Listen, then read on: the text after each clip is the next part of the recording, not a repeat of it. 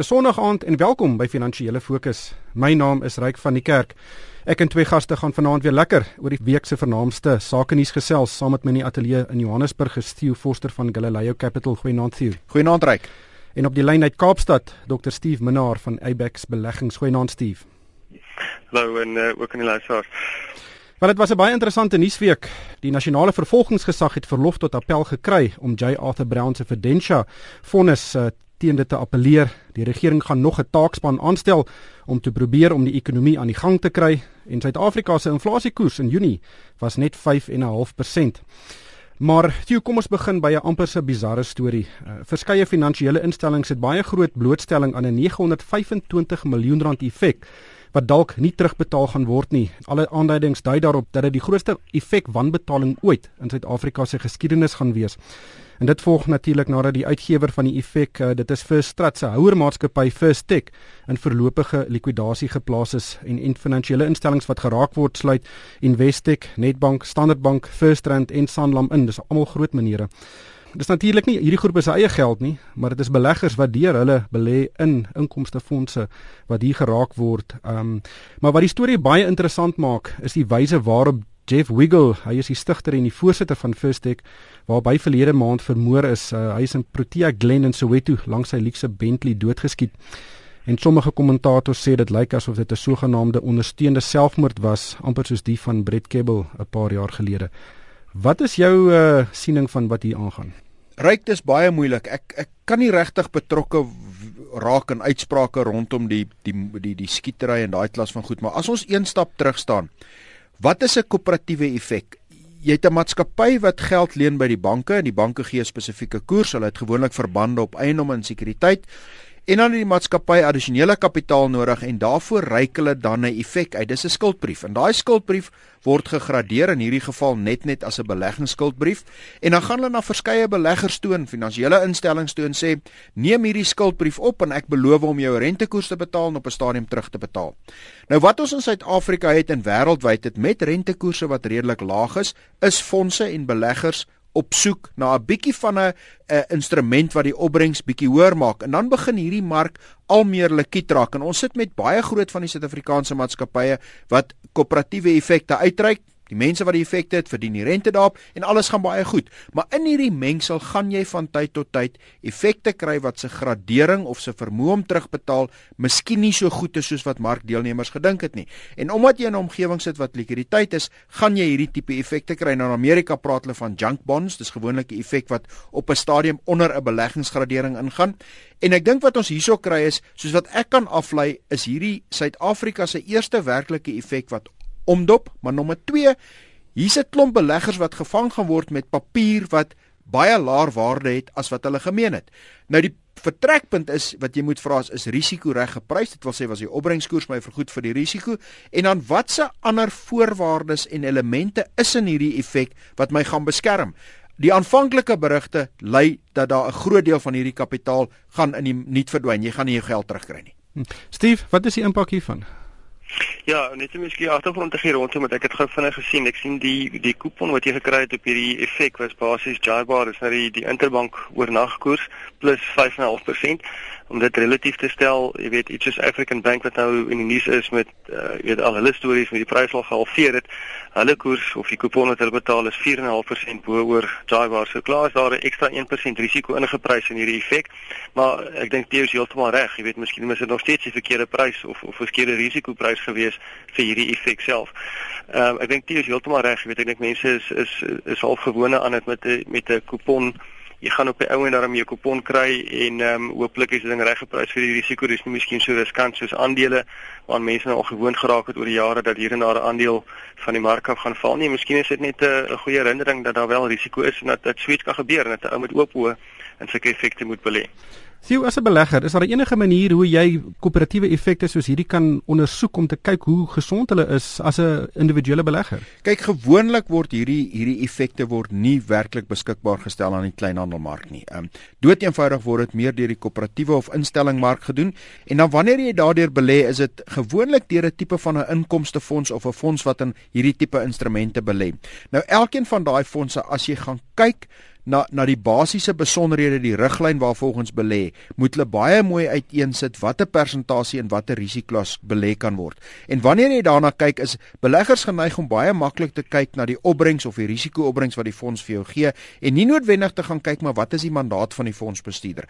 As ek vir 'n fondsbestuurder sê, hy moet net fokus op kom ons sê hoogs gegradeerde uh beleggingsinstrumente wat deur staatsinstellings uitgereik word of deur groot genoteerde maatskappye uitgereik word, dan uiteraard gaan my renteopbrengs laer moet wees. As ek net op die renteopbrengs fokus, dan gaan ek vir die fondsbestuurder sê, gaan soek hierdie maatskappye wat vir jou 'n addisionele 5, 4.5 of 5.5% gee.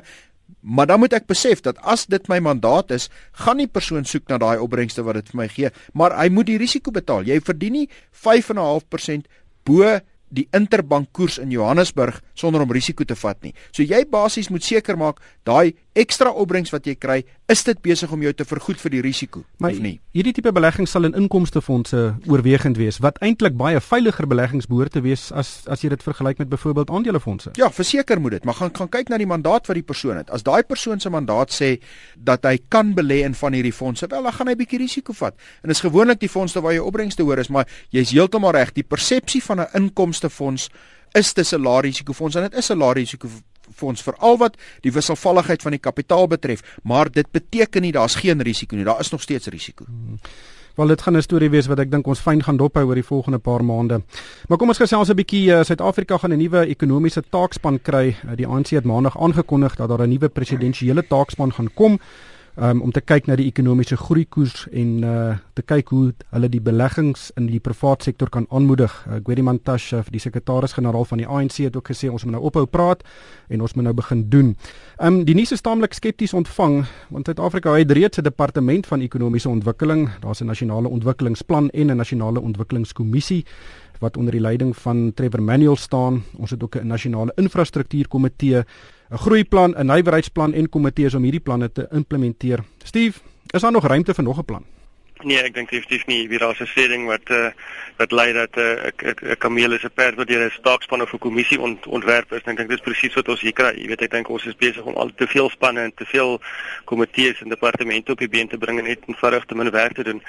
Ek dink miskien onderliggend ehm um, is is van die tendense wat mense van die ander staatsdepartemente sien dat is daar nie regtig die die onderliggende vaardigheid is om eintlik die werk te doen nie. Is die maklikste ding om net dan nog 'n kommissie aan te stel wat 'n paar buitekonsultante aanstel om nog 'n verslag te skryf eerder as om eintlik net skouer in die wiel te sit hmm. die werk te doen.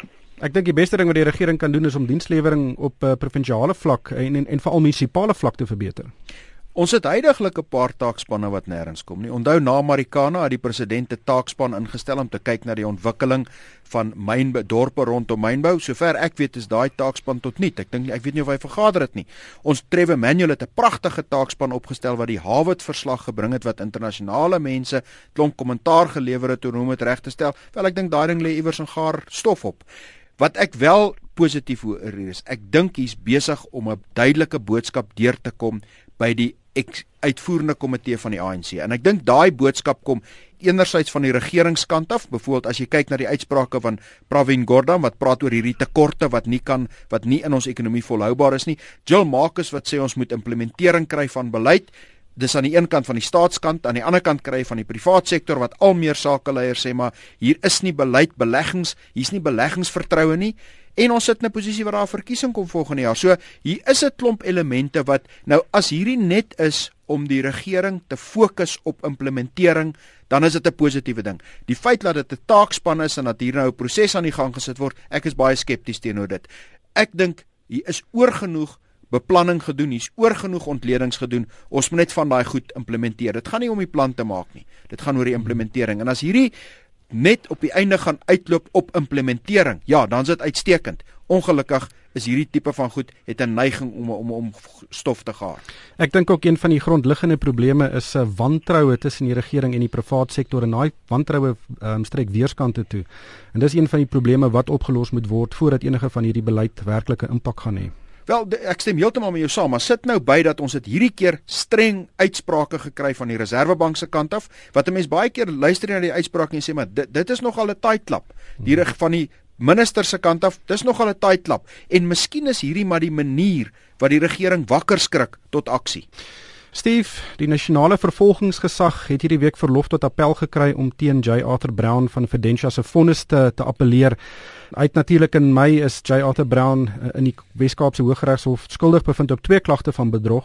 Hy natuurlik skuld beken op hierdie aanklagte en hy's beboet met 150 000 rand en 18 maande tronkstraf wat opgeskort is. Uh, baie mense het gedink dit is maar net 'n uh, hou op die hand uh, vir wat hy uh, skynbaar gedoen het. Uh, Steve, wat is jou indrukke van hierdie uh, hierdie ontwikkeling? Ja, reg is dis dis moeilik hier is maklik net kom kom hier van die van die stoel se kant af, jy weet kommentaar te lewer of kritiek te lewer, mens weet net presies nie wat al die regs detail is waar dit hulle moes gaan nie, maar dit lyk tog asof dit so al op 'n tegniese punt gedraai het en hy op 'n oomblik op 'n mindere aanklag skuldig bevind is en op die hoofaanklagte waar die eintlike geld nou weggeraak het, ehm um, ongelukkig nie skuldig bevind is nie en, en of dit nou 'n geval is dat dit tegnies korrek geïnterpreteer is of dit nou net die vervolgingsgesag is wat nie die hulle werk ordentlik gedoen het nie. Daar was wel 'n uitspraak van die regter se kant wat wat sou verwys het na jy weet onvoldoende werk um, van hulle kant af. Ehm um, dit dit is moeilik vir vir 'n leek om om om om werklik te sien wat aangegaan het, maar wat 'n mens wel sal hoop is dat as daar wel 'n appel is, dat 'n mens reg kan jy weet kom tot op die kruks van die saak en uitvind presies wat het van daai geld geword. Want die, die feit van die saak is daar is nou 'n wat lyk na relatiewe ligte boete opgelê. Ehm um, die geld is nooit gevind nie en dit is nie dis dis dis honderde miljoene rande. So dit moet iewers te wees. Jy weet, dis nie tipe ding wat jy spandeer en dit verdwyn nie. So iewers te lê daar bates wat uh, wat wat aan beleggers behoort.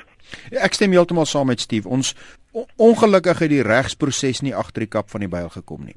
Daar daar was die afgelope week of twee daar baie baie van die pers het berig oor die oor die verslaaf van die kurators en dit is magdomme geld. Jy praat van iets soos 1.8 miljard rand wat ingekom het en iets soos 600 miljoen rand wat uitgegaan het. Dit is 'n magtige tekort en ek waar ek saamstem met Steve is ons is nie agter hierdie kap van die byl nie. Dit dis honderde miljoene rande en ons moet uitvind waar dit is. En ongelukkig is 'n vonnis van 150 000 rand is net nie goed genoeg nie. Die die regsproses het nie regverdiging gebring aan die verliese wat beleggers gelei het nie en en en die ding moet reggestel word. Hmm.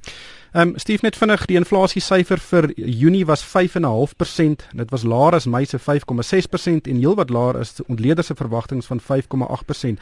Dis ten minste goeie nuus in die in die, in die posisie waarin die ekonomie homself bevind dat inflasie nie lyk of hy gaan handuitdruk nie. Ja, dit is altyd moeilik om hierdie syfers te interpreteer. Jy weet wanneer die die, die hooflyn inflasie syfer waarna ons kyk is die sogenaamde CPIX. Nou dit is inflasie sonder wysigingskoste en dit is sonder elektrisiteit en 'n paar ander dinge. Jy weet ek dink dit is ongelukkig vir jou deurslag sertifikaner is is ongelukkig daai elemente groot gedeeltes van hulle maandelikse uitgawes en en daar is die inflasie wesentlik hoër as die 5.5%. So miskien op 'n op 'n weet so van hoofopskrif vir die koerant is dit nie sleg dat ons by 5.5% sit nie. Maar ek dink vir Jan Alleman uh, voel hy 'n bietjie hoër syfer in sy sak. Maar dit als gestel, ek dink dit is weet eerder dit is wat ons op baie hoër syfer het wat op baie deurvloei in die ekonomie en miskien die ander uh, um, positiewe gedeelte daarvan is dit dit bly nog binne die teiken band wat die Reservebank daar gestel het in terme van hoe hulle hulle beleid uitvoer sodat dit geen drastiese stappe benodig van die Reservebank in terme van rentekoerse meer meer meer voeter nie. Dit was laer as verwag. Uh, dit is definitief en dit is aan 'n bietjie van 'n positiewe kant, maar ek dink nie die verhouding tussen jou lewensuitgawes maand tot maand of jaar op jaar en die inflasiekoers Ongelukkig is daar heelwat van die elemente in jou maandelikse uitgawes wat nie deur inflasie gemeet word nie. En, en dis hoekom as jy praat met mense en hulle praat van die hulle koste om te lewe, dis heelwat hoër as hierdie koers. Die positiewe is, stem ek saam met Stewes, daar is nie 'n verrassing aan die bokant nie, maar ek dink ook as ek kyk na die verskillende ekonomiese vooruitskattinge, uh, is ons nie ver daarvan af dat ons wel bo daai boonste punt gaan gaan nie en ek dink die algemene verwagting is dat in die derde kwartaal gaan ons by vir periodes bo daai boonste teiken uh teikenband van 6% is en dit gaan 'n vraag wees van hoe lank, wat die elemente is, hoe hoog ons bo dit is en dit gaan monetêre beleid bepaal. Ongelukkig is dit alwaar vir ons tyd het vanaand. Baie dankie aan Theo Forster van Galileo Capital en Steve Minnar van Abax Beleggings en van my ryk van die kerk. Baie dankie vir die saamkuier en ek koop almal 'n winsgewende week.